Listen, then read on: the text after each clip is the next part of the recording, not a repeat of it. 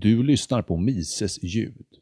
Idag artikeln Vardagsanarki som frihetlig strategi.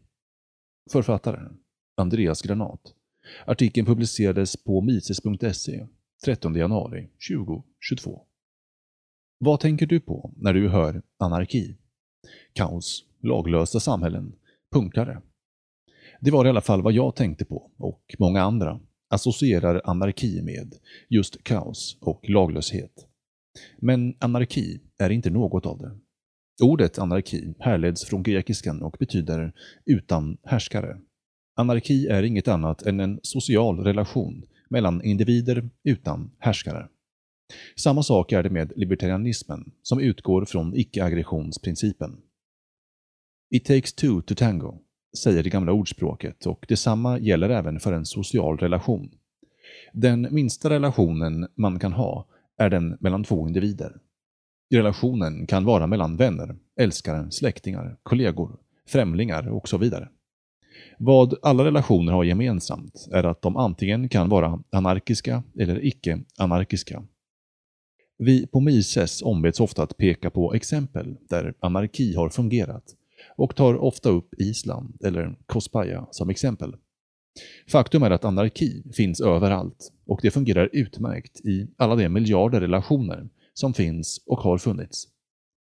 Varje gång vi interagerar med varandra, oavsett antal individer, utan våld och tvång, så ingår vi i en anarkisk relation. Lagsporter, arbetsplatser och större festliga tillställningar är bra exempel på sociala relationer i större skala. VDn på företaget är ingen härskare. Likaså är förbundskaptenen eller prästen på dopet ingen härskare. Den enda härskaren är den som med våld eller hot om våld tvingar en annan människa. Detta är i alla fall den högeranarkistiska och anarkokapitalistiska synen på anarki. Vänsteranarkister vill hävda att all form av naturlig hierarki är omoralisk och ser därför privat ägande som härskande och icke-anarkiskt. Som de sociala genier vi människor är, så kan vi känna igen olika typer av relationer utan ansträngning. Genom att observera kroppsspråk, tonläge och liknande kan vi märka vilken relation människor har till varandra. Och utifrån vad vi observerar lägger vi värderingar i de olika typerna av relationer. Tänk dig att du får höra om ett kärleksförhållande mellan en man och en kvinna, där mannen är mycket kontrollerande och våldsam mot kvinnan. Utan att gå in på detaljer om varför, så skulle de flesta säga att det är en ytterst osund och omoralisk relation. Så varför ser de allra flesta inte den osunda relationen mellan staten och invånarna? För det första är vår relation till staten mycket komplex och osynlig. För det andra så måste vi definiera vad det innebär att ha en relation till staten. Vem eller vilka är staten egentligen? Innefattar det bara regeringen eller hela riksdagen också? Eller innefattar det alla statliga anställda? Eller kanske till och med alla som är med och betalar skatt? Om vi räknar en myndighet som en del av staten, är då en myndighetsanställd en del av staten? Och i så fall, är inte alla som är anställda inom den offentliga sektorn en del av staten? Jag skulle vilja hävda att vi alla är en del av staten, vare sig vi vill eller ej, eftersom att staten äger oss och kontrollerar oss på den dagen vi föds och får ett personnummer.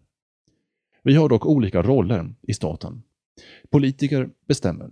Poliser utför våldet på politikernas order och den vanliga medborgaren ger stöd till de två tidigare nämnda genom att rösta och betala skatt.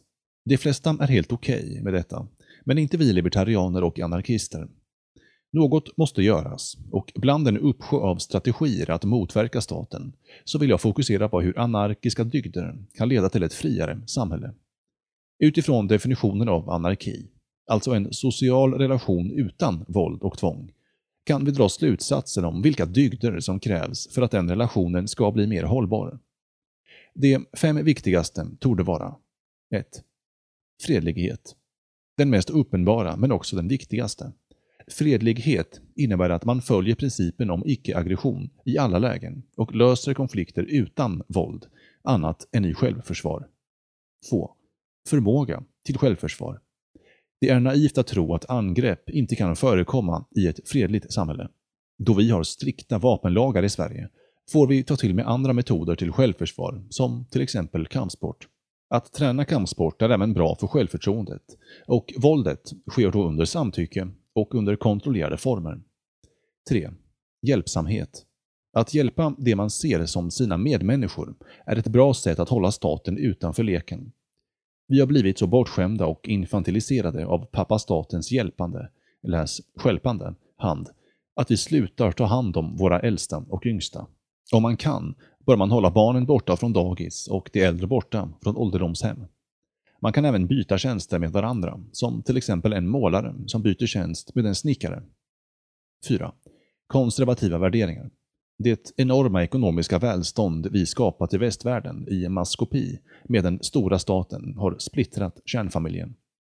Det är roligare att resa jorden runt, hänga på Tinder, gymma och satsa på karriären än att både skaffa familj och bibehålla den.